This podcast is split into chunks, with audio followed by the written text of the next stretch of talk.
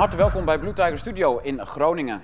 Mijn naam is Tom Zwitser en vandaag aan tafel gaat het niet alleen over het Rusland- en Oekraïne-conflict vanuit het oogpunt, het perspectief van de boeren in Nederland, maar ook over de Farmers Defence Force, want die hebben behoorlijke leuke overwinning gehaald in de, nou, niet helemaal in de rechtszaak, maar daarvoor hebben wij de voorzitter van de Farmers Defence Force, de FDF, aan tafel, Sita van Kijmpema. Van harte welkom. Leuk dat je weer aan tafel zit. Het is al heel lang geleden. Dus ik ben echt super blij dat we weer een eh, mooie uitzending over de boeren kunnen maken in Blue Tiger Studio. Ik ben secretaris trouwens. Secretaris. Kijk, ja. Ja, Wie is de voorzitter? Jos of Mark? nee, Mark. Mark, Mark, is de voorzitter, ja. ja. Jos is eh, vicevoorzitter. Ja. Maar jij bent degene die wel die zaken aanjaagt, hè?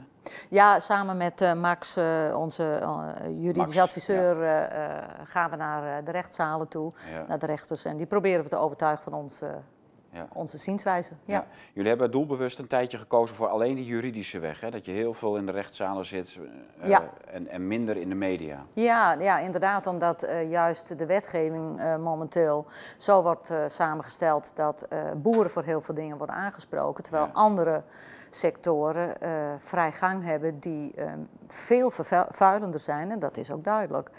En omdat de wet voor ons allemaal geldt en ook voor politici, hebben wij besloten een aantal zaken zo aan te gaan. Ja. Ja.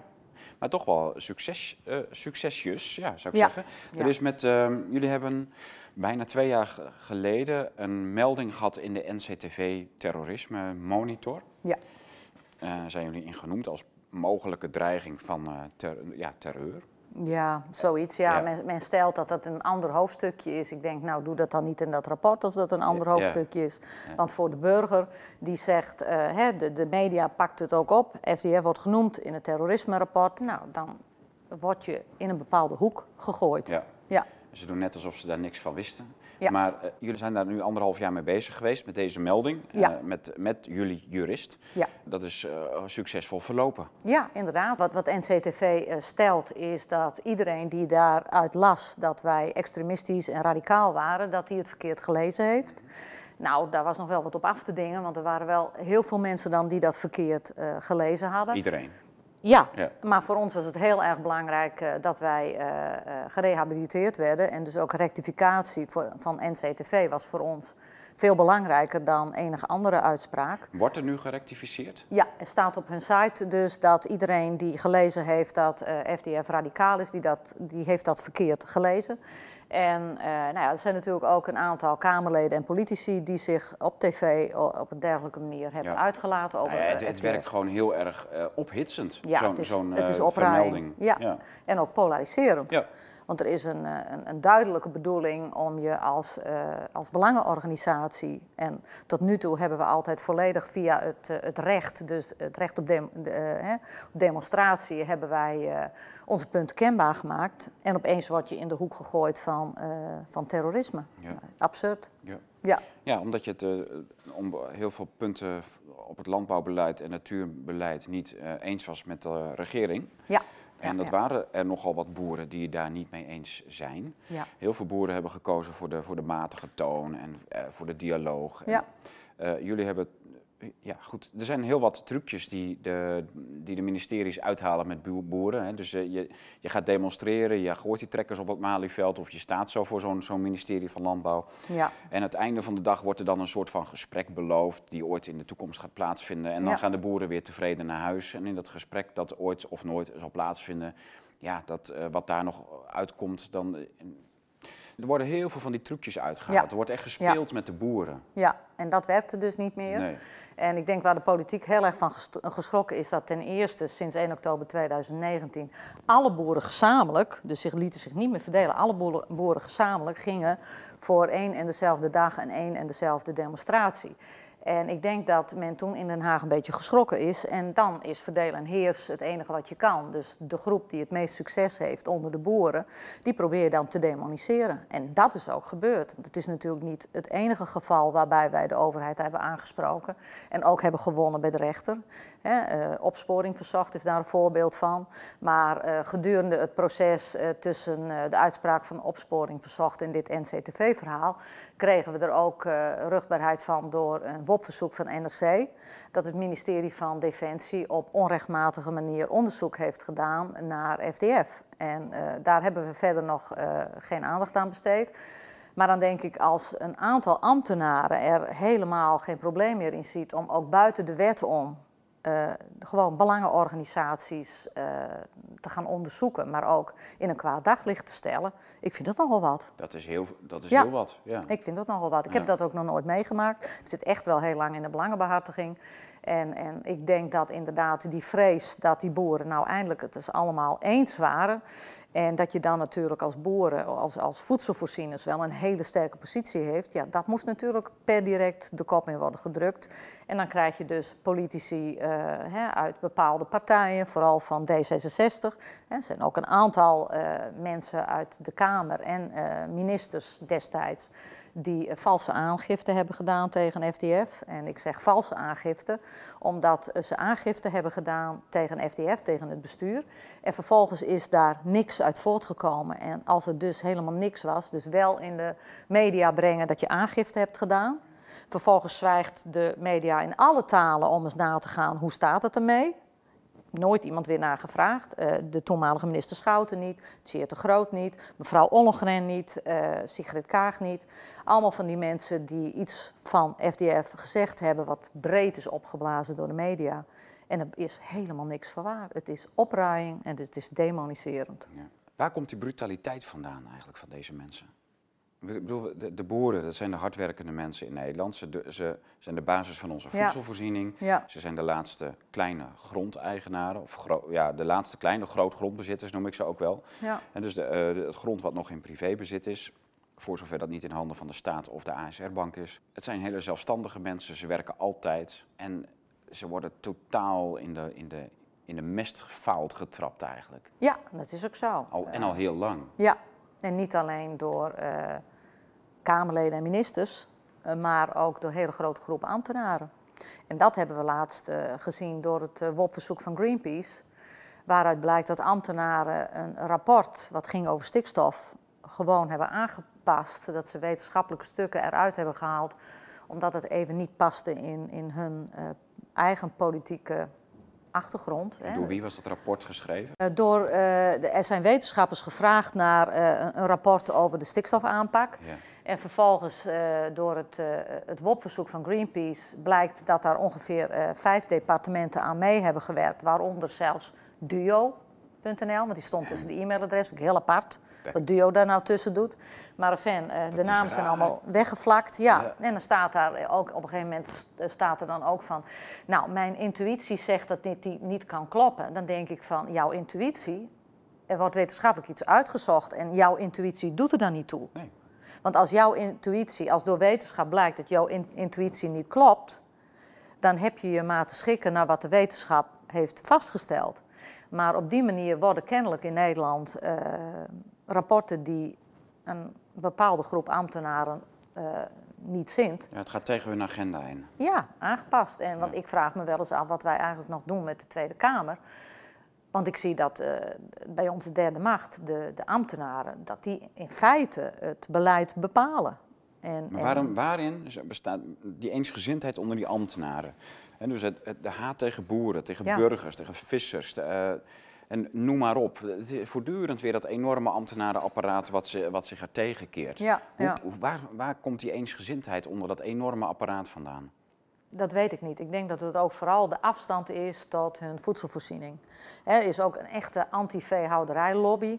Die kraamt er de meest rare dingen uit. Gisteren uh, moet er nog zijn geweest op Keuringsdienst van Waarde. Ik heb het zelf niet gezien, maar mijn man wel. Uh, waarbij uh, gesteld werd dat de vogelpest is ontstaan in de pluimveehouderij. Nou, vogelpest ontstaat in het wild. Dat is al eeuwen zo. En doordat je dan een ganzenpoepje of een ander vogelpoepje op het erf krijgt en dat wordt binnengelopen in de stal, dan krijgen jouw kippen ook uh, ja. vogelpest. En, de, de, rol van, de, van die enorme natuurgebieden van de laatste ja, 10, 20 jaar, die speelt wel een rol in de enorme ganzenpopulatie. Ja, ja, ja. we hebben inmiddels uh, toen, uh, jaren geleden is de ecologische draagkracht van de natuurgebieden is vastgesteld en ook vastgelegd. En Nederland heeft zich daaraan geconformeerd en moet dus ook beheren. En je ziet dat uh, beheer wordt niet gedaan. Ja. Dus we hebben nu inmiddels in bepaalde natuurgebieden veel meer ganzen dan het natuurgebied ecologisch aan kan. En dat zie je dan ook in een teruggang van de soorten. En al met al hebben we, ik geloof, 330 meer ganzen dan destijds met Brussel is vastgelegd als doelstelling. Zo. En die stoten nogal wat stikstof uit. En, uh, eigenlijk is een gans... Gans, ganzenmes is toch veel stikstofrijker dan... Uh... Ja hoor, het is net zo'n poepmachine. Dus het doet, uh, hè, en er is een Zweeds onderzoek, Desborn et al. Die hebben een vergelijkingsonderzoek gedaan. Dus die hebben een tachtigtal onderzoeken naast elkaar neergelegd. En ook een onderzoek waarbij geteld is hoe vaak een gans poept. En dan ook de verschillende ganzen die er zijn. En die poepjes zijn vervolgens ook weer op hun samenstelling onderzocht. En dan is er een gigantische druk van, uh, van uh, ammoniak en stikstof en fosfaten in die natuurgebieden waar die ganzen met z'n allen zitten. En dat hoor je heel veel boeren die aan die natuurgebieden wonen met, met meren en zo ook zeggen. Zo van ja, s ochtends is het water hier wit, omdat de ganzen s'nachts allemaal op het water zitten. En ja, die poepmachine gaat door en dan is het, uh, is het water gewoon wit. Zo. Ja, en dat, dat bezinkt allemaal. Dus ook dat is allemaal in dat. Maar is het, uh, is het goede mest? Is het bruikbaar eh, voor, voor boeren? Is het fijne mest voor, voor je land of niet? Nou, da, daar is verder eigenlijk denk ik nog nooit naar gekeken, omdat het ook niet relevant is. Uh, hè, het nee, maar vanuit het stikstofverhaal zit natuurlijk de kritiek op die uh, ganzen in natuurgebieden. Ja, maar je zou ook zeggen van redenerende vanuit dat, dat dat stikstofprobleem natuurlijk een papieren probleem is en dat het eigenlijk gewoon een, door ambtenaren gecreëerd is. Ja. We, we leven in die rivierdelta. We hebben ja. te maken met vruchtbare kleivlaktes. Ja. Waarin we nou eenmaal hoogwaardig voedsel verbouwen. Ja. Nou, dan is alle mest toch welkom, zou je zeggen. Ja, alleen kijk, ze vreten het hele land kaal en tussendoor poepen ze eruit wat, wat erin is gegaan. Dus in feite, je voegt niks toe, er gaat ook niks af. Alleen je bent je eerste snee kwijt. Kijk. Heel veel boeren hebben in, bijvoorbeeld in, in de gebieden waar heel veel ganzen zitten. Nou, dat is Groningen, dat is Friesland ook.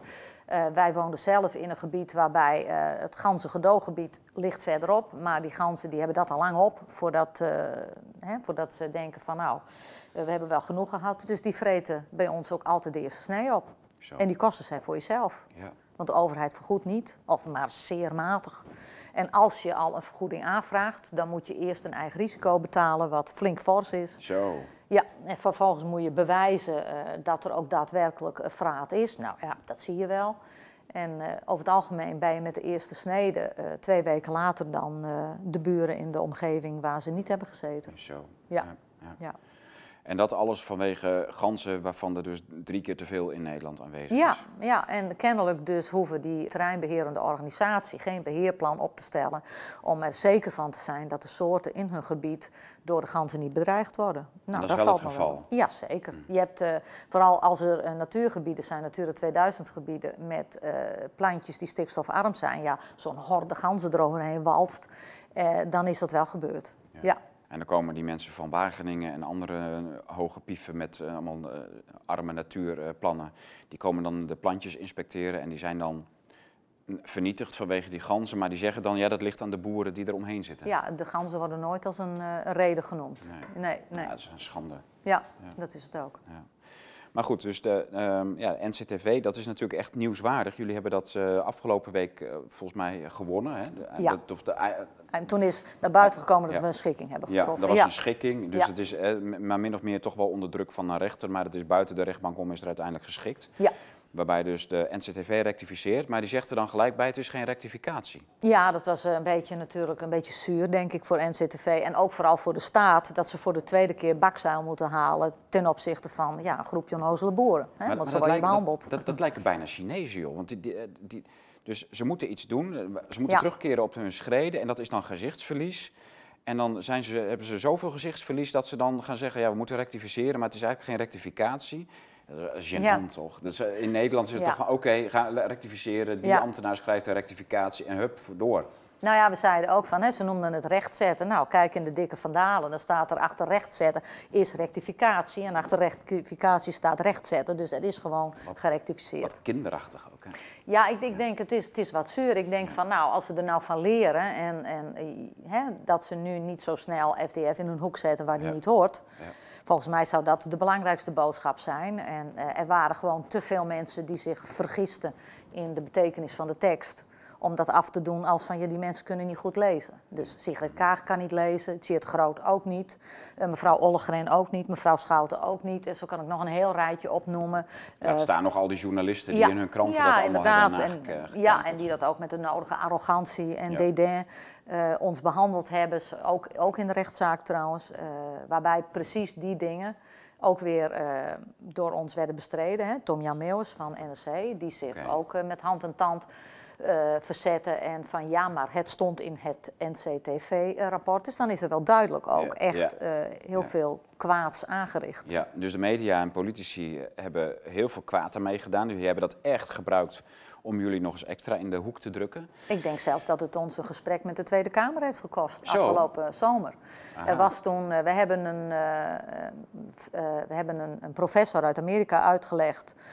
om te, hè, want wij zeggen van wij als boeren hebben oplossingen voor heel veel van de klimaatproblemen die er zijn. En hij doet al een aantal jaren, dat is Frank Mietloner, die doet al een aantal jaren onderzoek naar eh, CO2 en methaan, methaanuitstoot bij koeien. En die stelt dat eh, via koeien en de vier magen die koeien hebben, kunnen ze zelfs meewerken aan reductie van methaan. Dus dan ga je met de, Ja. het voeren ga je wat schuiven. Nou, die man hadden we daar en wilde ook graag het gesprek aangaan met eh, wij, met, eh, met, met de politiek. Omdat hier echt een oplossingsrichting is. En dat is eh, door een mevrouw Kuiken van de PvdA tegengehouden. Adje Kuiken. Ja, Zo. ook weer op grond van al die opmerkingen die eh, over FDF Ja, maar zijn dan, gedaan. dan spreekt de hetze voor zich en dan, eh, Ja. dan hoef je verder niet, nergens meer naar te verwijzen. Nee, Het heeft in de NCTV gestaan. Zeg, hoeveel media hebben dit nu overgenomen? Hè? Nu de NCTV recht gaat zetten wat ze dus jullie aangedaan hebben. ja. Eh, zijn er dan ook media die dat dan weer eh, nieuws brengen? Of hebben, rappen die er met geen woord naar? Eh, agrarische media wel, want daar Ja, heb ik het in gezien. Ik heb het nog niet in de media gezien die met grote chocoladeletters destijds Ja. ons in een hoek hebben getrapt. En ik zou het van fatsoen vinden getuigen als juist die media nu stellen van, oh, dat hebben we kennelijk verkeerd gelezen, Ja. want NCTV heeft het nu rechtgezet of gerectificeerd, maar net hoe je het wilt noemen. Nou ja, ook al zouden ze zeggen van eh, de NCTV rectificeert de, de Ja, FTF-melding in de, Ja, in de terrorisme monitor. ja, dat is voor ons wel belangrijk. Ja. Ja. Beste collega's, foei van de mainstream media. Dan moet je echt even rectificeren, want het is echt heel kwalijk dat jullie dat niet doen. Maar ja, ook wel weer begrijpelijk. Hè? De agenda die, eh, die spat er vanaf, van die boerenframing. Boeren, burgers en vissers, die moeten kapot. Gewone mensen, dat, die doen er eigenlijk niet meer toe. Ja, Ja. het Allemaal in het deug, eh, deug eh, frame moeten we natuurlijk mee. Zeg, ehm, eh, nou dat is heel duidelijk. Ik wil eigenlijk even naar een hele korte pauze toe omdat wij natuurlijk naar die geopolitiek gaan, eh, waar de boeren weer een centrale rol in spelen. Dat is ontzettend interessant. Hè. Eh, Rusland is Oekraïne binnengevallen. Eh, ja, je zou het ook andersom kunnen zeggen dat de EU en de NAVO al acht jaar Oekraïne zijn binnengevallen en dat Rusland daar nu een einde aan maakt. Eh, maar goed, vanaf, maakt niet uit met welke bril je dit bekijkt, maar er is heel veel aan de hand. Wil ik na de pauze even met jou over doorpraten, want je weet er veel van. Dus dan komen we zo bij u terug. Na de boekenbreek, wij hebben heel veel boeken over dit hele grote conflict Rusland-Oekraïne. EU, NAVO uitgegeven en daar gaat u één minuut naar kijken en dan zijn we weer terug.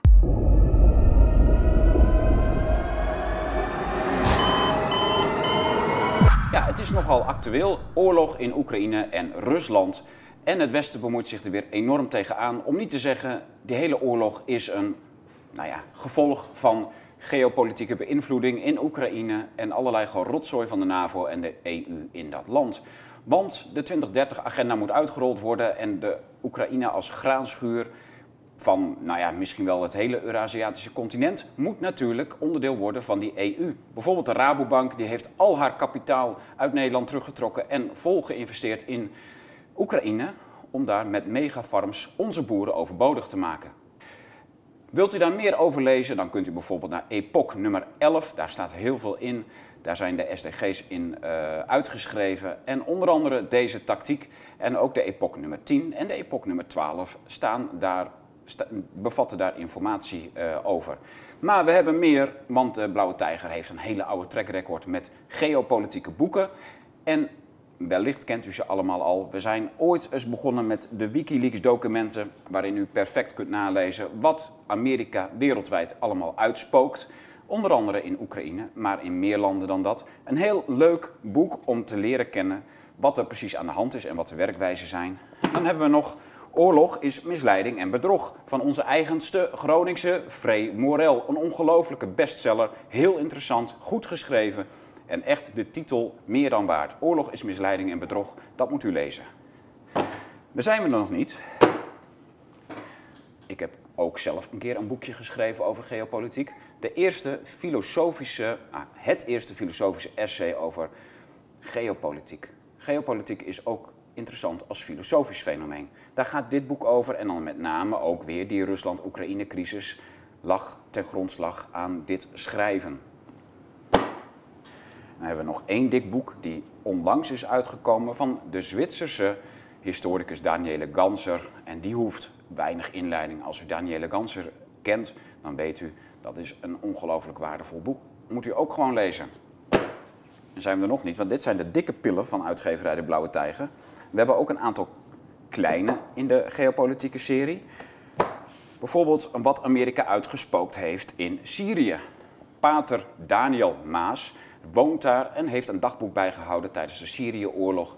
En dat dagboek is gebundeld onder de nou ja, provocatieve titel, provocerende titel... Poetin en Assad hebben ons leven gered. Twee delen, ook in onze webwinkel verkrijgbaar.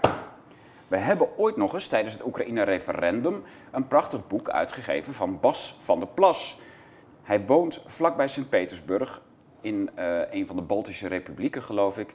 En is heel goed ingevoerd in de hele Russisch-Oekraïnse uh, problematiek. En dan ook met name weer dat hele spel van de NAVO daarin. Bas van der Plas schreef toen een boek in de doolhof van 25 jaar Oekraïnse onafhankelijkheid. En dan dat laatste woord tussen aanhalingstekens. We sluiten af met eh, de bestseller in deze hele serie. Poetin, de binnenkant van de macht van de Duitse sterjournalist Hubert Seipel. Seipel biedt een blik in Poetins gedachten. Hij heeft meer tijd met hem doorgebracht dan enige andere westerse journalist. In de afgelopen vijf jaar heeft hij Poetin op tientallen reizen begeleid en meer dan twintig keer geïnterviewd. En dan is dit het resultaat ervan. Wie Poetin wil begrijpen, kan maar één boek lezen en dat is deze. En dat is echt waar. Dit is wereldwijd het beste boek over Poetin wat er te krijgen en te lezen is. Dan bent u weer bij. Ja, actualiteit blijft altijd actualiteit. Het is een roerig gebeuren en we, we leven van hot naar her en twitteren en rennen en facebooken een beetje. En ja, in die hysterische tijden dan gebeurt er van alles. Maar uiteindelijk moet u gewoon een paar goede boeken lezen wil de problematiek van de, ja, dit soort langlopende trajecten, hè, zoals Bas van der Plas het schrijft, 25 jaar Oekraïnse onafhankelijkheid, ja, dat, dat heeft uh, een lange aanlooptijd, een lange geschiedenis. En dan is de waan van de dag ook toch maar de waan van de dag.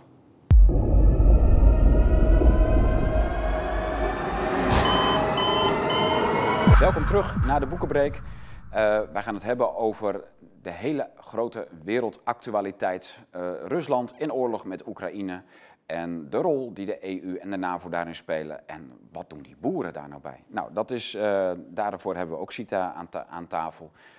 We zitten in gedeelde appgroepen, waarin veel nieuws rondgaat. En vanmorgen was er één bericht, die was heel opmerkelijk. Ehm, Oekraïne, Oekraïne zou de Europese graanschuur zijn volgens, volgens mij, uh, een, voor een CDA-kamerlid, meen ik. Mm ja. um, maar goed, ik ben even de naam kwijt. En uh, dat was allemaal heel erg wat Poetin gedaan heeft. Maar die graanschuur, dat, uh, Oekraïne is al heel lang een graanschuur. En het was altijd de graanschuur van de Russen en van de Sovjets. En wij hebben daar een, wij hebben een bepaalde agenda opgesteld, die 2030-agenda in het Westen. Dus als uh, Amerika, Canada, West-Europa en nog zo'n paar landen. En daarin is een duidelijke politiek te zien. Europa moet van de boertjes af. -hmm. ja. En uh, wat de Rabobank ook al heeft gedaan, is het kapitaal is, wordt, heeft ze uit Nederland teruggetrokken. Dus zij heeft duidelijk gewoon de investeringen uit de Nederlandse boerderijen of boerenbedrijven teruggetrokken. En heel grootschalig geïnvesteerd in Oekraïne. Dat hebben ze ook al geprobeerd in Roemenië, ook al in Polen. Maar Oekraïne is nu echt booming wat betreft agrarische bedrijven. Ja. En dan zie je in één keer dat dat dus, ja, dat staat nu allemaal op losse schroeven. Ja. Dus eh, Rabobank als boerenbank heeft dus, verraadt dus eigenlijk de, de boeren in Nederland en gaat zelf in grootschalig als multinational boeren in Oekraïne, zodat ze niet meer afhankelijk zijn van die, al die kleine boertjes in Nederland met hun trekkertjes en hun stemmetjes en hun mhm. eh, meningen. En ja, dat kan een, kan een, eh, een strategie zijn. Ja. Maar het maakt je ook heel afhankelijk. Ja, en, maar ja, goed, toen zag ik dus plots weer die agenda uh, naar boven komen waar we het in Epoch Magazine en hier aan tafel met jullie ook alles over gehad hebben. Hier wordt landjepik gespeeld bij de boeren. Dus dat zijn de, met name de banken en de overheden die dat samen doen. Boeren moeten uitgekocht worden van hun land verjaagd. Het moet allemaal natuurgebied worden.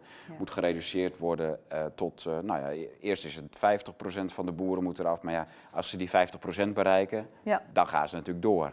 Nou ja, er zijn al 50% van de boeren weg uh, in Nederland de laatste 10 jaar. In tien jaar? Ja hoor, ja. ja. Dus, uh, er zijn al, of nee, twintig jaar, maar die, uh, die zijn er dus al niet meer, al die bedrijven.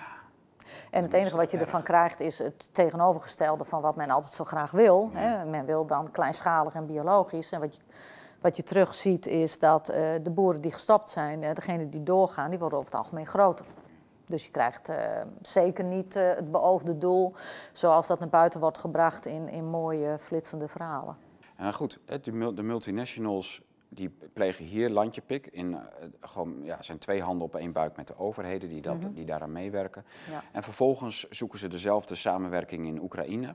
Ja. Waar ze eigenlijk ook landjepik spelen. Dat weten wij vanuit schandalen die de Rabobank uh, in uh, Roemenië heeft gepleegd. Dus die heeft daar echt boeren onteigend. En, zodat ze daar maar van die megafarms neer konden zetten. In Polen is hetzelfde geprobeerd. Is volgens mij niet helemaal goed gelukt.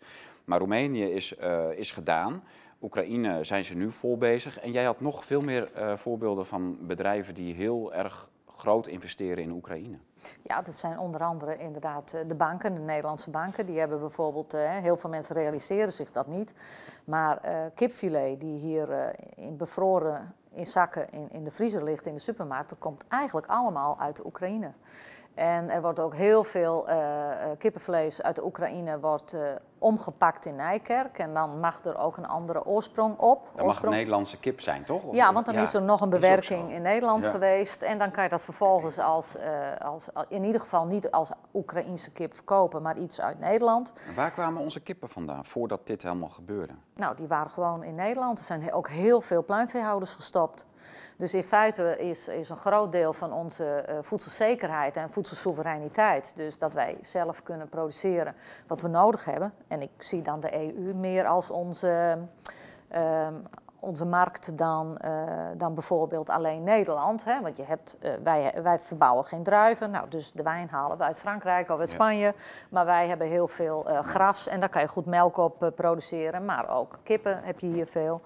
En dat is een uitwisselprogramma waarbij eigenlijk de meeste uh, productie, voedselproductie, blijft ook in de EU. Ja. En een klein gedeelte gaat naar andere regio's. Ja, het is echt een uitwisseling tussen uh, nou, Duitsland, Frankrijk, Nederland. Dat is toch echt wel een beetje de ja. as van de Europese agrarische markt, of niet? Ja, ja, ja. maar de, de politiek stuurt al heel lang uh, binnen de landbouw. Hè? Want nu zegt iedereen foei, foei en tut, tut en zo willen we het niet.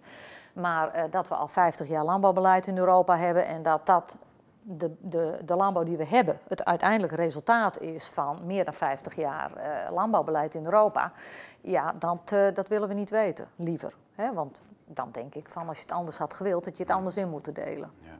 Hè, eerst was na Mansholt was natuurlijk, we moesten heel veel eten krijgen. Nou, vervolgens vindt men dat daar weer wat minder nodig. En nu zie je dat men steeds meer naar regio's gaat om het eten vandaan te halen voor de Europese bevolking. Waarbij hier alles aan diensten moet worden gedaan. En dan halen we dat eten wel ergens anders vandaan. En dan ook nog bij voorkeur. Ja, stel je voor, het is toch wel heel achterlijk dat wij zelf nog uh, boeren hebben, toch? Dat is toch uh, niet ja, nodig? inderdaad. We kunnen het ook uit China halen. Want kunnen, daar, Nederland, je... Nederland is toch gewoon alleen toch maar asfalt en een, en een paar bosjes en, ja, uh, en heel veel steden. Dus toch heel achterlijk dat wij dat nog zelf willen gaan doen. Kennelijk wel, ja. Maar Mooi in, de, denk, in de meest vruchtbare delta van Europa. Ja, ja, het is ook, ik denk dat hè, als je ook kijkt van iedereen die roept en blaast ook dat er zoveel minder uh, natuur is. Nou, er is heel veel landbouwareaal in Nederland de afgelopen jaren uh, naar de natuur gegaan. Hè. We hadden een aantal jaren geleden nog 2 miljoen hectare landbouwgrond en dat is inmiddels 1,8 miljoen. Zo, dus dat is een, 200 hectare is al weg. 200.000 hectare is naar natuur gegaan. En dan, als we dan praten over uh, die plantjes die uh, last hebben van de stikstof, dat is 18.000 hectare. En daar gaan wij in Nederland 25 miljard aan besteden. Echt? Ja, het gaat om 18.000 hectare. Meer is het niet. Daar, die dat gooi je zijn... door het putje. Ja, ja, want dat gaat ook echt niet helpen. Want juist vanuit Oekraïne, Rusland, het hele feest, uh, wat er zeg maar aan uitstoot daar, van bijvoorbeeld fabrieken en alles zo door de lucht bij ons terechtkomt op die plantjes, is al meer dan dat die plantjes aankunnen. Dus wij kunnen er 25 miljard in gooien of 100 miljard. Uh, die plantjes, daar komt er niet goed mee omdat het niet ligt aan Nederland. En dat heeft Geesje Rotgers natuurlijk al ja. bewezen. En die hebben aangetoond dat zelfs als je alle leven uit Nederland vandaan haalt, dan zelfs voldoen we nog niet aan die kritische depositiewaarde die is vastgesteld. Omdat je nou eenmaal het luchtruim niet af kunt sluiten. We hebben nog steeds geen overdekt Nederland. Misschien moeten we dat maar doen. Ja, ik denk ook Nederland is een kaasland, dus ik dacht ja. de grote kaasstolp is misschien Toch, wel ja, mooi. Overheen, ja. Kan een probleem Schiphol zijn, maar dat vinden we ook wel Maar dan kun je in ieder geval de CO2 reguleren ja. die binnenkomt. Ja, ook. Dat is ja. wel eigenlijk een fantastisch model, Ja, toch? ik denk dat dat wel de toekomst wordt, ja. Nou, dan, gaan we, dan gaan we nieuwe partijen oprichten, Nederland overdekt. Grote luchtbel, ja. ja. Onvoorstelbaar. Ja. Maar ze plegen hier landje pik. Ja. Ze, eigenlijk hebben ze dus een voorschot genomen in Oekraïne op de belofte van Amerika en de EU dat Oekraïne wel langzaam uh, het Westen inge, ingetakeld zou gaan worden. Ja. Ze investeren daar waanzinnig.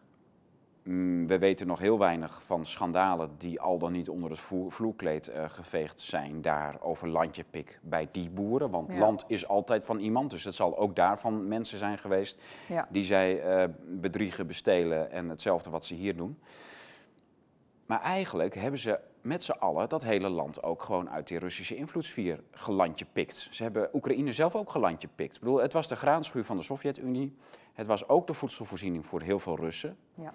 In het oosten was een enorme staalindustrie, wat ook heel erg op Rusland uh, gericht was. Het is, uh, ze, ze, hebben een enorme beschadiging toegebracht aan een invloedssfeer waar wij helemaal niet zoveel mee te maken hebben eigenlijk.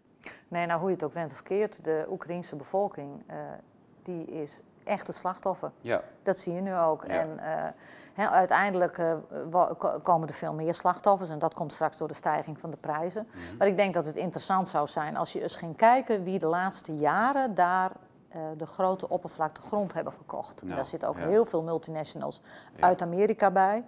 En uh, ik denk dat dat wel interessant is om te kijken, want we weten allemaal dat wij in 2050 hebben wij twee keer zoveel voedsel nodig dan er nu wordt geproduceerd.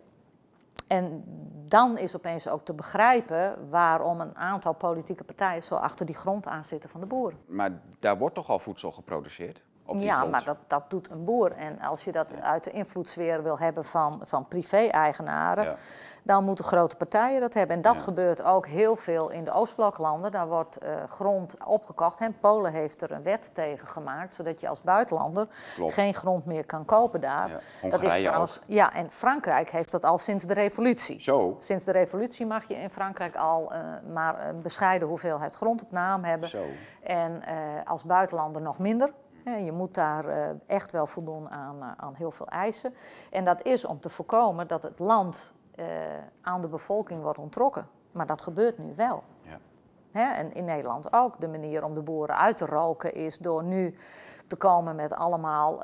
Zulke wetten hebben wij niet, toch? Nee. nee. nee want dat willen we niet, want we zijn heel erg. wij, wij zijn het land van bestemmingsplannen. Hè? En van, van heel lang vergaderen en dan heel erg in de, in de kleine lettertjes zijn er lichte veranderingen in bestemmingsplannen. Ja. En dat blijkt dan echt weer uit de agenda's van Den Haag te komen. Wij kwamen twee jaar geleden achter het um, bestemmingsplan van de gemeente Noord-Hollands Kroon in Noord-Holland. Um, daar hadden ze ook een toekomstvisie voor agrarisch land. En da daar stond dus zwart op wit dat de boerenbedrijven, ze hadden een agenda voor boerenbedrijven daar, die moesten van familiebedrijf omgeschakeld worden naar grotere agrarische bedrijven met aandeelhoudersconstructies. Dus aandeelhouders, eigenaren op afstand, dat stond er letterlijk. Ja, En management ter plekke. Mhm, ja. dat is dan die boor. Dat zijn kolgoos-achtige Ja. constructies. Ja, ja, ja, waarbij je inderdaad. Maar hè, dan volgens investeren- kapitalistisch model eigenlijk. Ja, maar in, in Nederland is denk ik land bezitten eigenlijk een van de beste investeringen. Het loopt Ja. niet weg en het blijft er altijd liggen. Er is enorme grondhonger in Nederland. Dus eh, ja, investeren in grond. En vooral een aantal jaren geleden, want toen waren de prijzen nog lager. Hè, landbouwgrond in Nederland, ja, dat is eigenlijk onbetaalbaar. Maar als je er huis op wil bouwen of je krijgt het voor elkaar dat er industrie op kan... of een mooi datacenter van Google of zo. Dan Ja. is het nog meer waard. Ja, maar dan zie je weer dat eh, gemeenten de- de grond gratis weggeven aan die grote Amerikaanse multinational ten koste van de eigen Daar bevolking. komt echt voor, gratis weggeven. Ja, eigenlijk wel. Daar komt het wel op neer. Ja. Zo, dus ze Ja. dwingen de boeren van die grond af. En gemeenten kopen ze uit voor het bedrag wat zij willen geven. Nou, hè, want de, de, de term vrijwillig valt wel eens. Je kan iemand eh, vrijwillig laten stoppen door het leven zo onmogelijk te maken. Hè, eromheen wordt van alles. Ja. Nou, als, als jij in een gebied zit en om je heen beginnen ze het land allemaal anders in te richten, dan Ja. krijg je, dat noem je schaduwwerking. Dus dan zeggen ze, ja, jij zit er tussenin, maar jij mag dit niet meer, jij mag dat niet meer en zus en zo. Want ja, we hebben om jou heen hebben we bijvoorbeeld natuur gecreëerd. Jij bent nu een probleem, dus jij zal moeten extensiveren. Doe je niet mee, ja, dan, eh, dan mag je weg en dan word je dus onteigend. En dat, eh, dat is niet vrijwillig. Nee. Nee. Wat ik ook hoor, ehm, kijk, we hebben nu eh, Henk Staghouwer, minister die eh, Carola Schouten is opgevolgd, dezelfde partij, ChristenUnie. Ja. Die komt toevallig uit ons buurdorp, Zuidhorn. Ja, ja. Die was daar eh, koekenbakker Ja, en volgens mij ook de pannenkoek van het dorp. Zodat hij de politiek in kon. ja, En ja, die heeft hier in de, als gedeputeerde in Groningen, hoe zeg je dat? In ieder geval, hij heeft in de provincie Groningen was hij verantwoordelijk voor natuur en boeren. ja. Heeft hij de ene na de andere schandaad uit, uit, uitgehaald. Nou ja, er is wel wat te vinden, ja, Ja. Op, in, eh, Ja. in de media. Wij, Ja. hebben, wij hebben aangekondigd dat wij een, een onderzoek naar hem zouden gaan doen. Dus dat wij meer mensen voor de video, voor de camera zouden gaan halen om, om daarover te vertellen. Mhm. En we hebben heel wat telefoontjes gepleegd, maar niemand wil voor de camera vertellen wat deze man hier deed. Ja, Dus ook mensen die het overkomen is, wat hij met ze uitgehaald heeft. En dat, dat zijn bijvoorbeeld dingen als, hij heeft echt strategisch punten, eh, op strategische punten boerderijen uitgekocht, een natuurgebied van gemaakt. Waardoor de boeren daaromheen die problemen kregen die jij nu opzomde. Ze Ja. mogen niet zoveel uitstoten, dus vergunnings, er zit geen uitbreiding qua vergunning in. Maar ze moeten inderdaad ook eh, onder dwang eh, extensief gaan boeren. Allerlei maatregelen waar ze mee te maken krijgen, zodat ze ook eigenlijk niet meer rendabel zijn. nee. En dat heeft hij zo, hij heeft een paar van die strategische punten door de hele provincie heen heeft hij dat gedaan, zodat eigenlijk er er zijn een ketting van allemaal ja, natuur, kleine natuurgebiedjes. En alle boeren daaromheen, die, die krijgen problemen met hun Ja. bedrijfsvoering. Ja. En, en dat gaat hij nu ook doen landelijk in Den Haag. Ja, dat zou best kunnen, ja. Ja. ja.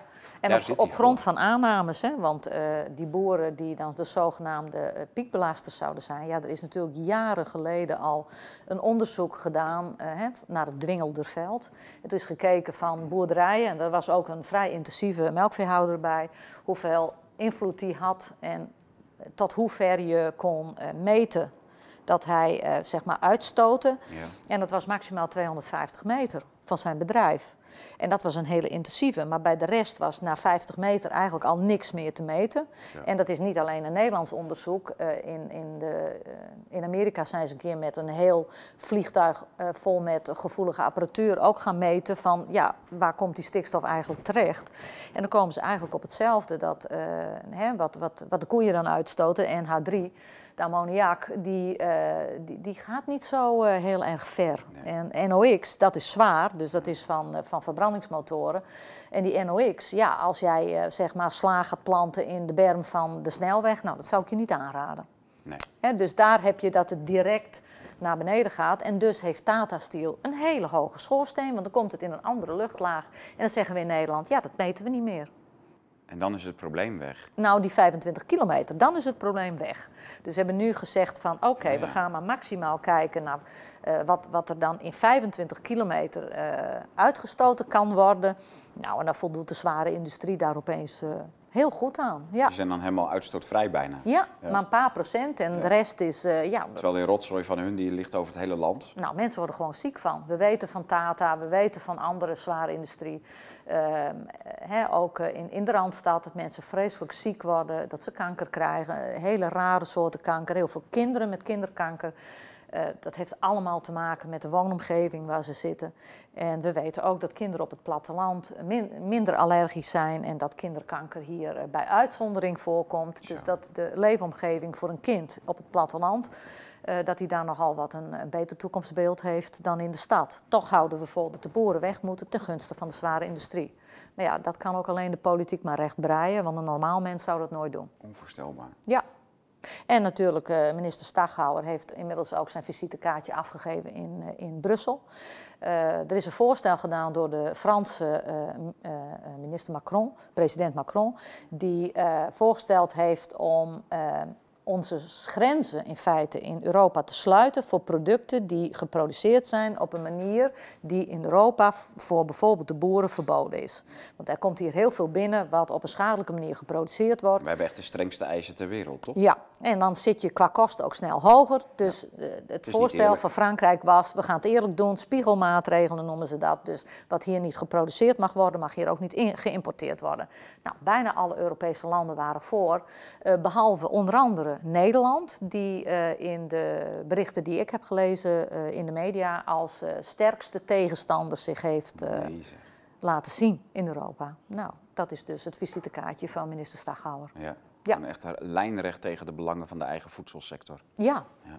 En ook tegen de duurzaamheid. En ook, hè, want eh, we staan eh, als Nederland eh, staat in de top 5 van meest duurzame producerende landen. Dat heeft het blad Nature. Dus dat is ook hè, het een wetenschappelijk tijdschrift, dus niet de kleinste.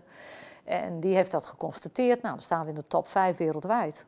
Dus het kan bijna niet beter dan in Nederland. Dus waarom moeten dan de Nederlandse boeren opgeruimd worden? Dat is onlogisch. Ja. Het gaat om geld en macht. Hè? Dus die, Ja. wat, wat die banken daar doen, op een gegeven moment kreeg dus eh, Follow the Money daar jaren geleden lucht van. Die heeft een serie artikelen daarover geschreven, wat de Rabobank in Roemenië deed.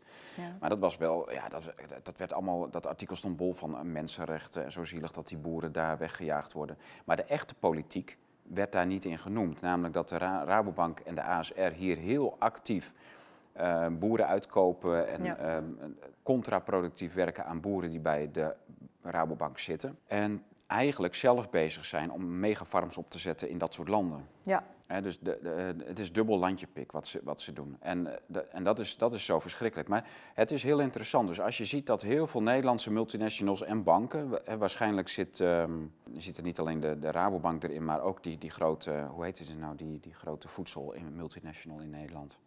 Unilever.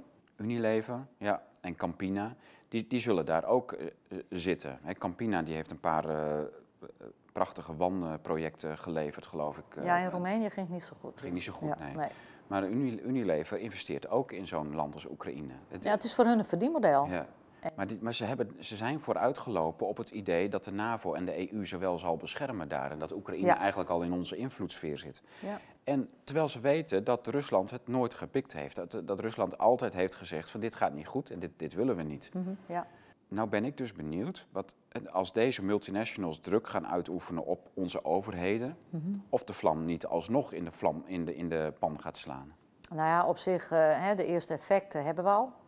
Eh, Ja, vertel. Ja, je kwam met... eh, ja, Eh, de graan? Ja, graan. eh, eh, heel veel van het graan ook voor veevoer. eh, hè, want je hebt ook heel veel graan dat kan niet gebruikt worden voor humane consumptie. Omdat het bijvoorbeeld qua kwaliteit niet goed genoeg is. Dus dan kan je er geen brood van bakken. Ja. Nou, dat weet denk ik minister Staghouwer wel. En, dat is veevoer. Ja, en dat Ja. gaat dan als veevoer, want dan heb je ook, hè, dat is ook een stukje duurzaamheid. Ja. Dus die, die schepen die gaan daarheen, die laden dan dat graan. In Oekraïne. Ja, en die zijn leeg weer teruggestuurd. En De gisteren is... afgelopen eh, weken. Of, ja, ja, en dus de graanprijs, eh, vooral de tarweprijs, is gigantisch snel gestegen. En, maar is die tarweprijs gebaseerd op de veevoertarwe of op de menselijke consumptietarwe? Ik denk over het algemeen, want het, het hoort bij elkaar. Je hebt Ja. een deel dat gaat voor humane consumptie. En als bijvoorbeeld door eh, weersomstandigheden of wat dan ook, en ook bepaalde soorten, rassen, Ja. eh, heb je ook, eh, hè, want niet elke grondsoort brengt eh graan voort die, die, die goed en geschikt is voor bijvoorbeeld brood of humane consumptie. Maar wel geschikt is voor granen die voor veevoer weer heel erg geschikt kunnen zijn. Nou, dan kan je nog steeds hoogwaardig voedsel produceren. En eh, die schepen zijn eh, leeg weer weggestuurd. En ja, eh, van wat de Oekraïne produceert. Want het is een, gigantisch land met hele goede grond, waar we hier in Nederland eigenlijk alleen maar van kunnen dromen. En 25% van hun export gaat naar de EU. Dus dat de EU dat gaat voelen, is En zeker die export, waar. dat is graan of hebben ze meer producten? Veel meer, ook eh, aardappelen, eh, plantaardige oliën. Nou, die zijn ook heel erg belangrijk eh, voor het uitbreidende vegetarische voedselpakket. Er zijn heel veel gewassen worden daar geteeld en die worden ook geëxporteerd en, en die komen hier terecht. En ja, dat pad is dus afgesneden. Maar zelfs kaas komt uit de Oekraïne naar Europa. En, eh, hè, terwijl dat eigenlijk niet nodig is. Maar er zijn dus nu, eh, zal je zien dat eh, de gaten zullen moeten worden opgevuld. nou, dat zal lastig gaan, want de graanoogst was al niet zo groot dit jaar. Dat heeft dan ook weer met weersomstandigheden te doen. Dus die, die prijs die vliegt omhoog. En we gaan hier in Europa gaan we extensiveren en gaan we alles eh, landbouwareaal opofferen aan zonneparken en aan, eh, aan, aan bijvoorbeeld eh, natuur. Ja. Wat de natuur dan ook Nou ja, mag dat- dat- zijn. Dat, dat is echt erg. Ja, sorry dat ik het even zeg, maar dat, wa- wat Staghouwer hier heeft gedaan, dat, dat is dus te zien. En langs de autobaan de A7 kun je dat zien, maar op meer plekken. Zo, er wordt gewoon, boerengrond wordt ontdijkt. Ja. De water, het waterpeil wordt omhoog gezet, zodat, je, zodat ze een soort moerasgrond ervan maken. Ja. Maar de, je ziet ook gewoon jarenlang het de meest grove geschut daar te werk gaan om dijken te bouwen en Ja. land af te scheppen. Dus waanzinnig grote bulldozers en kranen zijn daar jaren bezig om een natuurgebied te maken. Nou ja, de, de Hedwiegepolder hebben we natuurlijk eh, in, Ja. in het zuiden. Dat, eh, want dat was een afspraakje met eh, België, dus daar konden we niet onderuit. En dan wordt de beste aardappelgrond, wordt, hè, of, of grond om, om eten op te telen, wordt onder water gezet. Maar ook de krimpende water momenteel, daar zijn ook boeren gewoon onteigend. En dat dat proces is nu aan de gang. Zo. En dan gaan ze ook het waterpeil ernstig verhogen. En dat staat al zo hoog daar. Ja, maar dat moet kennelijk nog hoger, want het heeft dan weer met het veenweidegebied te maken. Nee, terwijl er nu al andere technieken zijn die heel erg hoopvol zijn. Hè? Als je eh, eh, klei verdeelt, klein, eh, fijn verdeelt over het land, dan bindt dat zich aan die veendeeltjes en dat neutraliseert de oxidatie. Maar ja, Aha. dat is zo eenvoudig en zo zeg maar door boeren bedacht. Nou ja, dat past natuurlijk niet in het politieke verhaal, want Kan het moet niemand wat allemaal aan duur. verdienen, dus het kan niet goed zijn. Nee, dus dat water moet omhoog. Oh, Ja, wat erg zeg. ja. Ja. Ja, nou goed, ik onderbrak je even over die graan, met die graanschepen. Ja. Maar de, eh, de Oekraïne is dus ook, eh, 25% van haar export gaat naar de EU al. ja. Ehm, aardappelen, graan. Wat, olie. Ja. hoe vangen we dat op? ja, dat is maar de vraag. Kijk, uiteindelijk, ehm China heeft nu al de graanoogst van eh, Rusland opgekocht, dus dat gaat daarheen. En eh, China wil graag Taiwan inlijven. Dus ik heb gisteren in de pers gelezen dat de schepen liggen al, eh, al voor bij Taiwan. Dus die zijn het met elkaar eens. Maar dat is die ook ruiken weer... nu eh, een kans. Hè? Dus de wereld Ja. kijkt allemaal naar Rusland, Oekraïne. Ja. En dat is voor hun de kans om het Taiwan even... Ja, daarom. Ja. Want we kunnen niet overal zijn. En, eh, dus dat, dat, de, de hele wereld staat straks in brand. En de enigen die het slachtoffer zijn, dat zijn de burgers. Ja. De heren strijden en de mensen lijden. En meer is het niet. Zoals altijd. Zoals altijd. Ja, ja. zoals de wereld altijd heeft gedraaid. En dan kan je wel zeggen, zoals de premier dat zei, van dat het achterlijk is als je nu nog eh, zo'n groot rijk wil maken. Dan denk ik, nou, misschien is het ook achterlijk dat je ervan uitgaat dat oorlog in het Westen niet meer bestaat. Ja, maar deze meneer die komt van Unilever, Rutte. nou, en daarom, eh, de ja. praktijken van Unilever zijn bekend. Dus Ja. het, het zijn allemaal imperia's en met, ze, met die multinationals met elkaar, Ja. die willen één heel groot rijk maken. Nou ja, en dat doen ze ook. En, maar dat nemen ze Rusland kwalijk als ze gewoon hun invloedssfeer in- ehm, zeggen van ja, hier tot hier en niet verder. Ja, maar ja, Ja. de invloed van die multinationals is ook enorm. Als je kijkt naar de lobbyisten die er rondlopen in Brussel, dan is het gros. eh, komt van de multinationals en dan huppelen wij daar nog wat, eh, voor wat boerenorganisaties tussendoor. Maar eh, dat, dat, is, dat staat er geen verhouding. Die wandelgangen die wordt bevolkt door de Ja, grote lobby's. absoluut. Ja. Als je daar gewoon een dag buiten gaat zitten, je zet een stoeltje neer, je gaat turven, dan eh, komt het ene na het Maar, andere maar het is grote natuurlijk wel bedrijf zo, langs. Sita, de, de, de boerenlobby is wel heel erg. Er is, wel echt, er is geen sneuere lobby dan de boerenlobby. De Ja. LTO is echt, Ja, die- helemaal in de zak van de, van de minister. Ja, daarom. En kijk, hè, ehm, eh, ik ben ook eh, voorzitter van de European Milk Board en wij eh, lobbyen al jaren voor een, eh, een duurzamer systeem, namelijk dat boeren produceren wat de markt vraagt en dat wij daarvoor worden betaald met een gemiddeld kostendekkende prijs. En dat lijkt mij niet meer dan logisch. Want de enige manier om ervoor te zorgen dat een sector steeds duurzamer kan worden, is door te zorgen dat de boeren betaald worden voor wat je van ze eist. En dat is niet het geval, al, al decennia niet. Nee. En daar, willen we, hè, daar was eh, het voorstel van, eh, van de Franse premier was daar wel een, eh, een goed, goede Ja, stap heen. En dan gaat Nederland voor liggen. En daar gaat Nederland voor liggen. Ja. Ja. Ja. Boeren hebben niet alleen in Nederland een probleem. We hebben echt, er zijn meer landen die haantje de voorste willen spelen met het deugen en het afschaffen van de boerenstand. Dus onder de vlag van de Green Deal van Timmermans wordt, eh, zijn de problemen in, niet alleen in Nederland, maar in België, Duitsland, Frankrijk. Ja. Eh, we lezen dat de melkquota weer terug moeten komen. Dat was Nou, vorige week ook zoiets. Nee, dat is, eh, kijk, we hebben een, een fosfaatrechtenstelsel gekregen een aantal jaren geleden na een lange onderhandeling met, met Brussel. Daar is ook een staatssteunbeschikking uitgekomen en die staatssteunbeschikking is oneindig. In die staatssteunbeschikking staat alleen dat de fosfaatregeling na tien jaar wordt geëvalueerd, maar er staat geen einddatum in. Eh, nu heeft eh, minister Staghouder naar voren gebracht, hij wil naar een, een stikstofrechtenstelsel. En dan zou het fosfaatrechtenstelsel daar zeg maar, eh, moeten sneuvelen. Dan denk ik, nou, regel dat dan eerst maar eens met Brussel. Want volgens mij loop je nu al direct tegen dat je zo is eigen... toch altijd geweest. We, hebben toch die, we hadden melkquota. En die is eh, zogenaamd door Brussel afgeschaft. Maar dat is ook onder druk van, ehm, hoe heet die D66-minister destijds ook alweer? Brinkhorst. Brink- Brinkhorst, ja. Ja, ja. Is dat gebeurd? Ja. Maar Tjeerd de Groot was zijn assistent. Die heeft, En die heeft geregeld dat, dat wij niet alleen de melkquota eraf ging, maar dat de mestquota erin ging. Ja, Dat was zijn... eh, ja, zijn bijdrage. Ja. Dus hij staat ging nu, heel eh, sneaky toen. Ja, hij staat nu wel heel luid te toeteren elke keer in, in Den Haag, waar hij nu voor D66 eh, optreedt, dat hij... eh, hè, dat het allemaal zo erg is, maar hij was, eh, was er zelf bij. Ja, Hij de, regisseur. Ja, Want, En dat hoor je als je in Brussel gaat vragen, ook wat betreft vis en dergelijke. Ja, ja de regels komen uit Brussel. Oké, dan ga je naar Brussel toe en dan ga je zeggen van ja, oké, eh, hoe is dit tot stand gekomen? ja, En dan wordt je gewoon in je gezicht gezegd, ja, maar dat was destijds gewoon Ja. jullie eigen ministers, jullie Ja. eigen ambtenaren, die kwamen hier naartoe met deze ideeën. ja, En die ambtenaren die realiseren dat en gaan dan weer terug naar huis en die zeggen, ja, Brussel heeft het gezegd, heeft Brussels besluit. Ja, ja, inderdaad, zo gaat het. Ja, Ja, ja. ja. En dat, eh, dat, hè, het is heel typisch dat mensen die er zelf aan hebben meegewerkt, vervolgens andere eh, ehm, sectoren eh, de schuld toespelen. Dan Ja. denk ik, nou, je was er zelf bij. Precies. Ja, maar dat is, eh, dat is altijd een apart iets. Mm. Mm, Misschien zijn er meer mensen met een selectief geheugen dan alleen onze premier. Dat zou kunnen. Ja. Ja. Hoe kan het dat, kijk, wij, wij hebben, als Nederland liepen wij heel lang voorop in die stikstof. En dat nu de, ook de Belgische, Duitse en de Franse boeren problemen krijgen. Ja, dat heeft alles te maken met de Green Deal. Ja, en de farm to fork. Hè.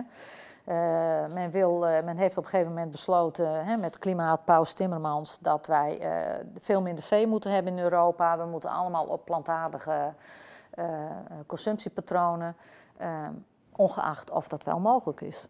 Hè, want wat de koeien opeten, dat is gras, grotendeels. Ja. Daar kun je En- geen Nee. gewas opbouwen. Vaak. Nee, Het meeste nee, grasland is niet geschikt om. Nee, en dat is net als met granen, hè, de- ook de hele soja-discussie. Ik vraag ook wel eens aan mensen, voor wie staan de sinaasappelplantages er? Is dat voor het sinaasappelsap of voor de schillen? Nou, zeggen ze, nou, voor het sinaasappelsap. Hoezo? Dan zeg ik, nou, de schillen, dat is nogal wat meer hoeveelheid en volume, worden opgegeten door onder andere de koeien. Die schillen gaan allemaal door het koeienvoer. En zo ruimen de beesten, hè, de varkenshouderij, die ruimt nog veel meer op dan... eh, En die vreten alles. ja, die, ook die granen die niet geschikt zijn voor humane consumptie, die gaan allemaal naar de varkenshouderij. En dus dat is, een heel, dat is al een kringloop. Hè? Want de eerste keer dat eh, mevrouw Schouten het woord nam destijds als minister, eh, toen vond ze opeens uit dat eh, ja, maar eh, wat dan over is van de humane eh, productie, dat moet naar het vee. Ik denk, nou, jij bent boerendochter.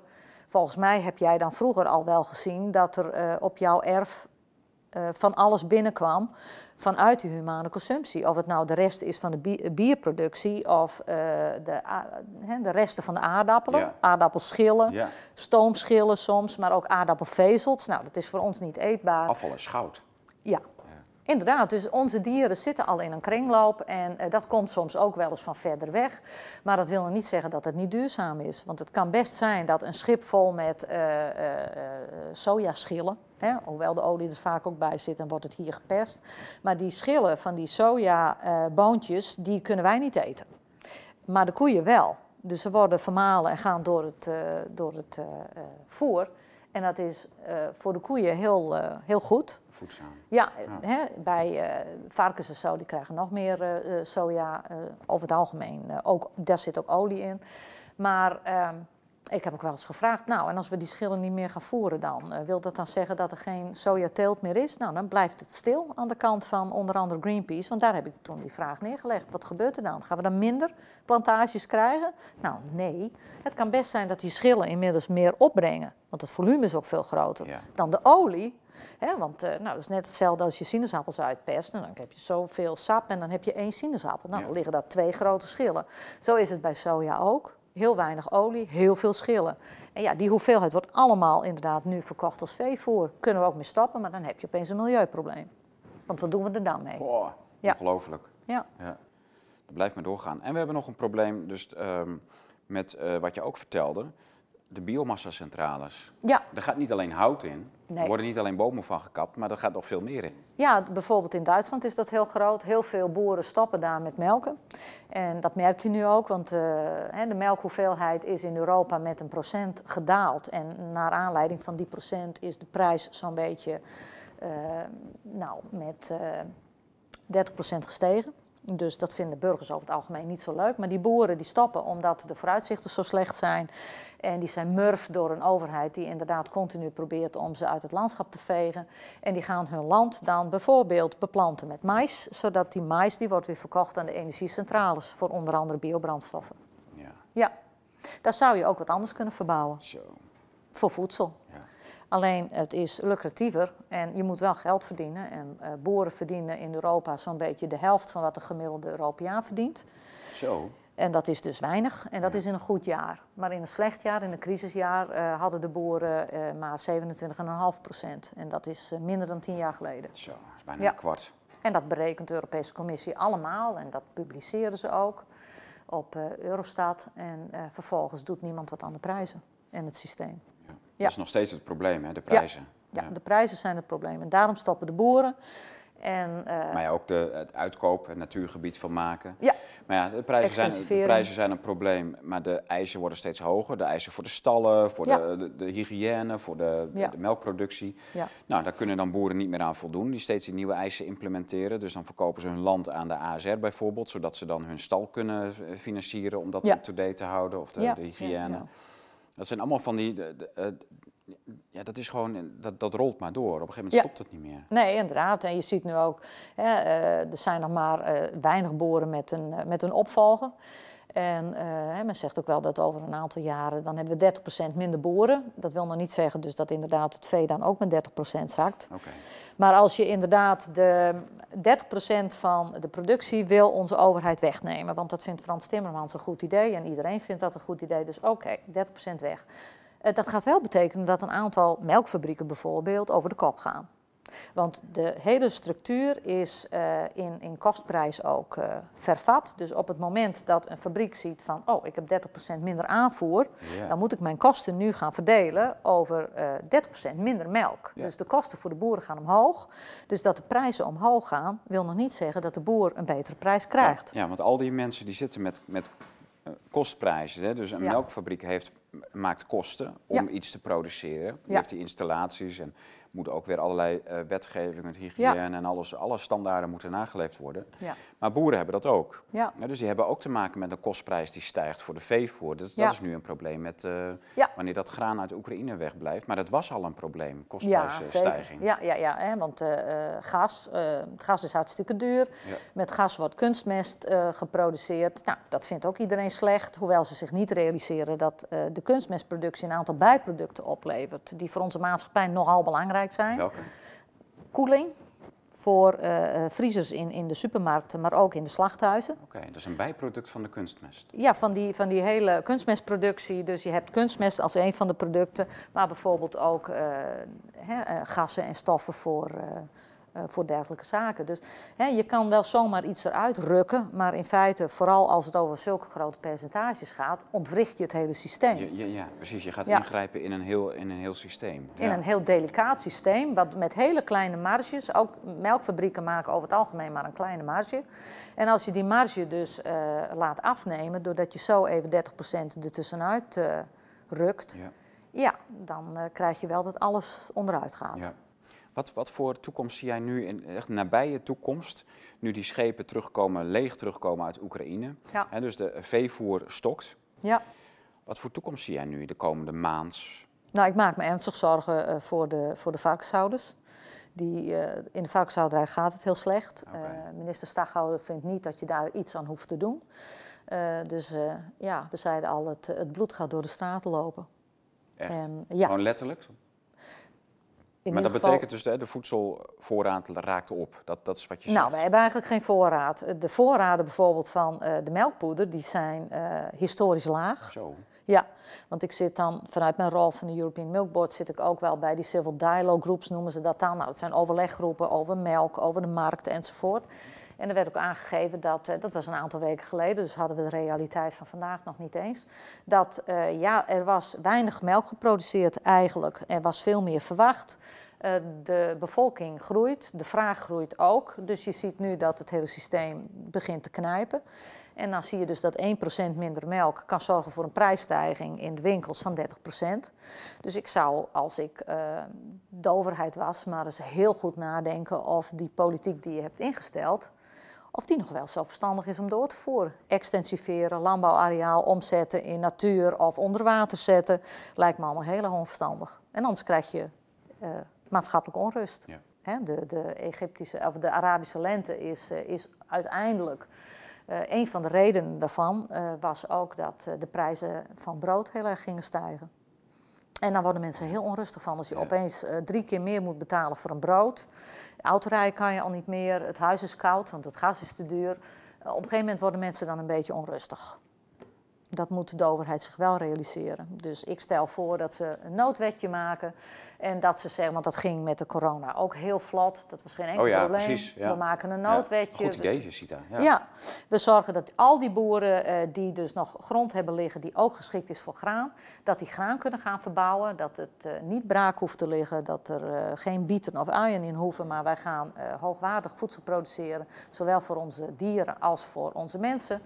En dan kunnen wij een deel van het probleem oplossen. Maar de huidige politiek is het niet mogelijk. Met deze nieuwe realiteit, die oorlog in uh, Oekraïne, is wat mij betreft de perfect storm zo snel mogelijk als Europa opeens uh, tegen te weinig voedsel aan te hikken. En ik weet wel dat dat doet ze in Den Haag geen pijn.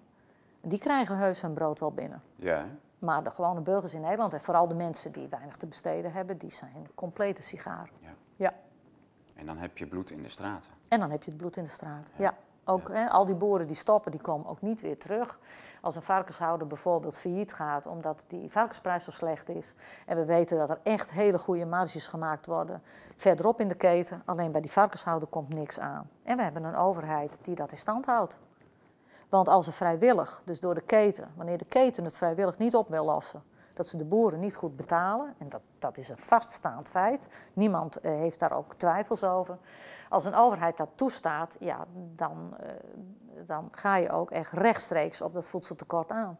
En wij hebben in Europa onvoldoende voedsel om die hele bevolking uh, te voorzien. In Nederland hebben wij een voedselpatroon waarvoor we 10,4 of niet alleen een voedselpatroon, maar een consumptiepatroon waarvoor we 10,4 miljoen hectare nodig hebben om alle Nederlanders te laten consumeren zoals we dat nu gewend zijn. Ja, en, we, en we hebben 1,8 miljoen ja. uh, hectare landbouwgrond. Ja. ja. Dus uh, en er moet ook zo nodig bos bij komen. Nou, uh, gras en mais produceren ook zuurstof en leggen ook heel veel stikstof vast. En CO2. Die binden dus stikstof, ja. ja wordt niet berekend, want dat past kennelijk ook niet nee. in het verhaal. Ik heb daar al heel vaak naar gevraagd van, hè, ga nou ook eens kijken. Want als je alleen kijkt naar de uitstoot, die dan 50% is, hè, de landbouw stoot 50% uit. Nou, ik, zei, ik durf te wedden dat de landbouw wel 70% van alle CO2 en stikstof vastlegt. Ik zei, volgens mij zijn wij dan in ieder geval netto, komen wij er heel goed uit. Ja. Maar je haalt de landbouw eruit. Eh, vervolgens kan de industrie verder. Nou, dan ga je achteruit boeren in plaats van vooruit, wat betreft de duurzaamheid Ja. en het klimaat. Ja. Dus je haalt echt de grote vervuiler, vervuiler haal, haal je uit die matrix, de, in- de grote industrie. Ja. En je kijkt alleen naar de, naar de uitstoot van de boeren. Ja, eh, en niet naar wat ze ook nog eens eh, consumeren aan stikstof. Ja, het, Nou ja, terwijl een iedereen-. Zodra je op het voortgezet onderwijs komt en eh, soms op het basisonderwijs, als je een goede leraar of lerares hebt, dan krijg je het daar al. Dan weet je dat planten groeien van stikstof en CO2. En dat ze dat nodig hebben, dat ze zuurstof produceren overdag en dat ze s'nachts, dat je dan die CO2-uitstoot krijgt bij planten. Maar ze leggen stikstof vast, daar groeien ze van. En dat willen wij ook. Daarom hebben wij ook mest, daarom brengen we dat op land, want er moet wat groeien. Ja. En een collega van mij zei ooit van, als er mest werd gevonden op de maan, hadden ze gezegd, is een teken voor leven. En alleen wij hebben door inderdaad dat, dat, die framing, hebben wij opeens bedacht dat dat heel slecht is. Nou, probeer het maar eens zonder. Dan groeit er niks meer. Ja, het leven is nou eenmaal een kringloop. En Ja. eh, mest is daar een heel belangrijk onderdeel van. Ja hoor, ja, Ja. ja, ja, ja. Ja, want vroeger had je toch ook van die strontophalers in steden. Ja, ja, zeker. Ja, er werden de, de tonnetjes opgehaald. Ja, En ja. dat werd dan weer over het land gegooid, geloof ik. Of er, was, er werd Ja. wel wat mee gedaan. ja inderdaad. En, en eh, hè, we zijn wat dat betreft heel ver, eh, politiek gezien, maar ook in de Randstad is men heel ver verwijderd geraakt van, eh, van voedselproductie. Je ziet ook nu ook voedselbossen en dan denk ik, ik zie niks. Er groeit niks. Nou ja, daar gaan we dan van eten. En dan denk ik, nou probeer het maar eens een winter. Praten we dan weer. Ja. Maar kijk, wat die mensen hebben, en die zijn idealist, en het is prachtig ook dat ze interesse hebben, maar door te stellen dat het een oplossing is voor een sterk groeiende wereldbevolking. Kijk, dat mag je misschien de boeren verwijten. Dat wij zoveel eten hebben geproduceerd, is zo efficiënt, is zo goed van kwaliteit, dat we zoveel wereldburgers krijgen die ook blijven leven. Ja. Dat mag je de boeren verwijten. Maar voor de rest denk ik dat als je denkt met een voedselbos eh, de hele groeiende wereldbevolking te gaan eh, voorzien van voedsel. En eh, met de zekerheid dat als het mislukt daar met die nootjes, dan ga ik lekker naar de supermarkt en dan koop ik daar wat ik nodig heb. En dat eet ik thuis op en vervolgens bekritiseer ik op mijn laptopje de boeren en hun manier van produceren. Want zo komt het over. Ja. Waar leven wij nu van? dus eh, als de boeren in Nederland, eh, die produceren heel veel voor de export ook. Ja. Een deel voor de binnenlandse markt natuurlijk. Ja. Maar als wij eigenlijk tien keer meer consumeren nu dan dat wij eh, verbouwen, wat, waar komt ons voedsel nu vandaan? Eigenlijk van de hele wereld. Oké. Kijk maar eens in, op de gemiddelde fruitschaal, want hè, er zijn ook wel mensen die mij dan de les lezen en dan stel ik ook altijd de vraag, wat ligt er op jouw fruitschaal? En dan kijken ze even, nou ja, dan komt het al snel. Hè? Dan is het een sinaasappel en een kiwi en er ligt een eh, appel die niet uit Nederland komt bij voorkeur. Bananen Ja. liggen er ook altijd, avocado, daar zijn we momenteel Ja, oh ja. helemaal weg van. Zonder avocado kunnen wij niet meer leven. Zuid-Amerika. Ja, en als het een beetje, eh, hè, ook nog een beetje elitair, dan ligt de mango er ook nog naast. Nou, klaar, dan zeg ik mooi. Wat kwam er dan uit Nederland? Want dan had je appels en peren op je fruitschaal gehad en verder niet. Echt, echt alleen de zuivel en misschien het vlees. Ja, wij kunnen met een, een eh, stel je voor, je zou nu inderdaad als Nederland overgeleverd zijn aan een Nederlandse productie. Dan kan je met het vlees, zuivel, de granen die we hebben, de groentes die we hebben en eh, ook het fruit wat we hebben hier, dan zou je eh, als Nederlandse bevolking genoeg calorieën binnen kunnen krijgen en genoeg voedzame stoffen om zeg maar te overleven. Ja, ja. Alleen het is eenzijdig. Waarom gaan we niet, Sita, net als met het Groningse gas, waarom gaan we niet zeggen, wij in Friesland en Groningen en eh, wij produceren eerst maar eens gewoon voor onszelf. We gaan echt duurzaam en lokaal produceren. Ja, We doen het alleen voor onszelf. En wat ze in het Westen doen, moeten zij weten. Wij houden het gas, wij houden onze eigen voedsel. En als zij het willen hebben, moeten ze dokken. Ja, maar ja, je, hebt inderdaad geen grenzen, geen hekken om provincies. Dus het is, eh, in de realiteit is het niet Ja, maar uitvoerbaar. wij, hebben overproductie hè, als noordelijke provincies. Ja, Waarom, eh, dan, dan moeten we toch kunnen inzetten. We, zijn- we zijn eigenlijk een wingewest. ja, maar eigenlijk, ik, ik denk dat dat, eh, eh, je maakt ook weer gebruik van eh, producten die uit andere werelddelen komen, die we ook nodig hebben. En dat is op zich, dat je ruilhandel doet, is niet, niet een probleem. Hè, wij hebben hier een, een klimaat waardoor je heel goed bijvoorbeeld koeien kan houden. Die vreten zelf zomers buiten het gras op. Boeren zorgen dat ze genoeg van het gras binnenhalen om die koeien ook winters te laten eten. En dat is een heel duurzaam systeem. En daar heb je heel veel hoogwaardig voedsel van. Dat voedsel kan je ook nog heel goed verkopen. In regio's wereldwijd waar bijvoorbeeld de zuivel niet zo goed werkt. Als je uh, in regio's waar weinig water is, ja, dan begin je natuurlijk niet met, uh, met melkkoeien, want die hebben veel water nodig. En, uh, hè, want een liter melk, ja, daar is wel wat water voor nodig. En voordat mensen zeggen, oeh, dat is heel schadelijk. Nee hoor, onze koeien eten en drinken over het algemeen, of drinken uh, uh, niet gezuiverd water. En dat komt er ook weer uit. Ja, komt, water, water, is geen eindig water blijft product. water altijd. Ja, ja, je hoort ook mensen wel zeggen, en er is zoveel uh, water nodig voor een, liter melk en voor Ja. een kilo vlees. Ja. Dan zeg ik ja, en het komt er ook allemaal weer uit, want water is geen eindig product. Ja, dan zijn we weer uitgepraat, maar zo is het wel. Ja. Ja. Ja, de, de stomzinnigheid dat je eigenlijk dit soort dingen nog allemaal moet gaan uitleggen. Ja. Dat is toch irritant, of niet? Nou, mensen doen net alsof je terug kan qua eh, voedselproductie naar de middeleeuwen. Waarbij we inderdaad eigenlijk niet veel heen en weer sleepten. Maar eh, dat is ook de tijd dat mensen zelf niet zo oud werden. Dat ze veel tekorten hadden. Dat niemand meer een gebit in zijn mond had op zijn dertigste. En dus daardoor ook eh, eh, overleed uiteindelijk. Hè, we hele ongezonde tijden. En dat kwam omdat mensen niet genoeg, nou niet alleen calorieën, maar ook niet al die nutriënten binnen konden krijgen. En nu hebben we het wel. We hebben een gigantische wilde, een ongelofelijke wilde. En eh, dat was, misschien is dat wel leuk. Van de week was er, eh, had de Europese Commissie een eh, soort vergadering ingelast om te praten over de, de, de unintended, dus de niet bedoelde effecten van de Green Deal. En toen hadden we vanuit vele windstreken al een prachtig idealistisch verhaal gehoord. Ik dacht, nou, daar gaan we weer. En toen kwam er iemand uit Afrika aan het woord en die zei duurzaamheid. Hij zei, wij hebben het nog steeds druk in mijn regio met voedselzekerheid. Hij zei, dat is mijn probleem. Ja. En eh, wanneer jullie de Green Deal doorzetten, betekent dat voor mij en voor, voor de mensen uit mijn land dat heel veel van het voedsel waar we nu bij kunnen, kunnen we daar niet meer bij. Want dat gaan jullie importeren omdat je het zelf niet meer Ja, produceert. niet alleen wij verarmen, maar de, de Afrika, de, de echte armere landen in de wereld Ja. verarmen ook mee. Ja, ja en, en je kan heus ervoor zorgen dat heel veel Afrikaanse landen, want Afrika is ook een gigantisch, eh, gigantische regio. Hè, wat er in het westen, het oosten, het zuiden, noorden, dat zijn hele grote verschillen. En je kan er echt wel voor zorgen dat daar ook een ander systeem is. Maar dat ligt ook aan politieke wil. Wat kan er en wat kan er niet. En ik denk dat dumpen, wat we ook wel gedaan hebben en ook nog wel op bepaalde manieren doen, daar moet je mee ophouden. Want daar veroorzaak je meer ellende mee Ja, dan je maakt de markt kapot ja, maar je hebt daar ook eh, landen en, en, en eh, markten waar we onze hoogwaardige eh, producten kunnen verkopen, omdat daar ook steeds meer mensen zijn die meer te besteden hebben. Ja.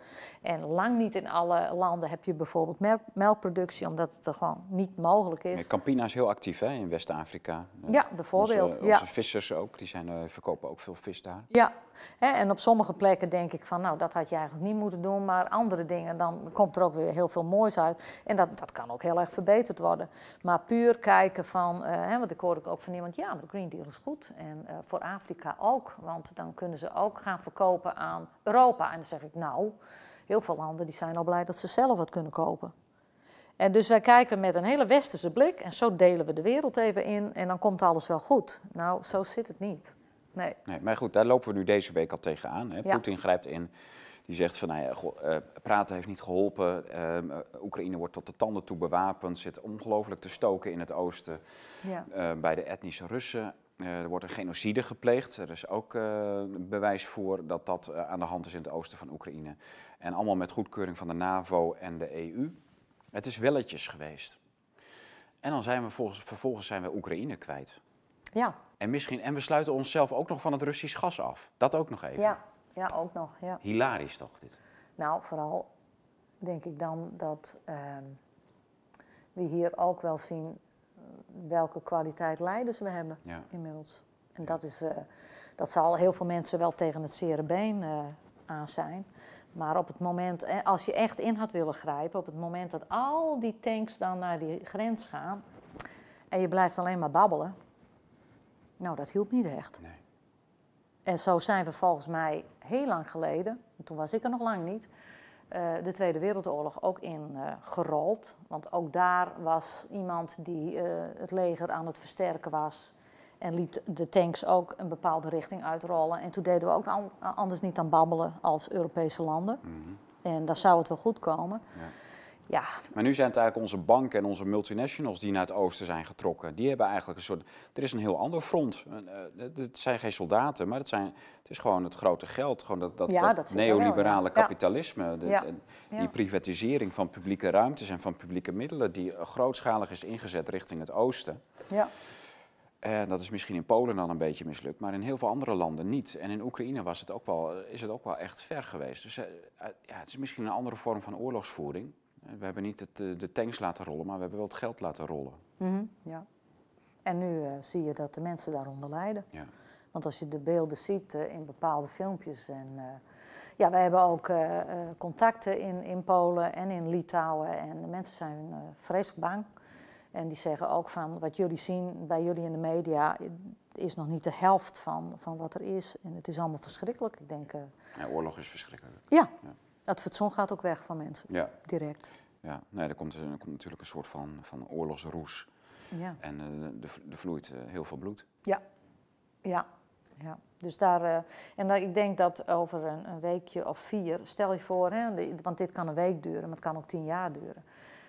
Maar over vier weken kunnen wij wel eens een hele andere realiteit hebben aangaande onze voedselvoorraad in Europa, maar inderdaad ook energievoorraad. Ja.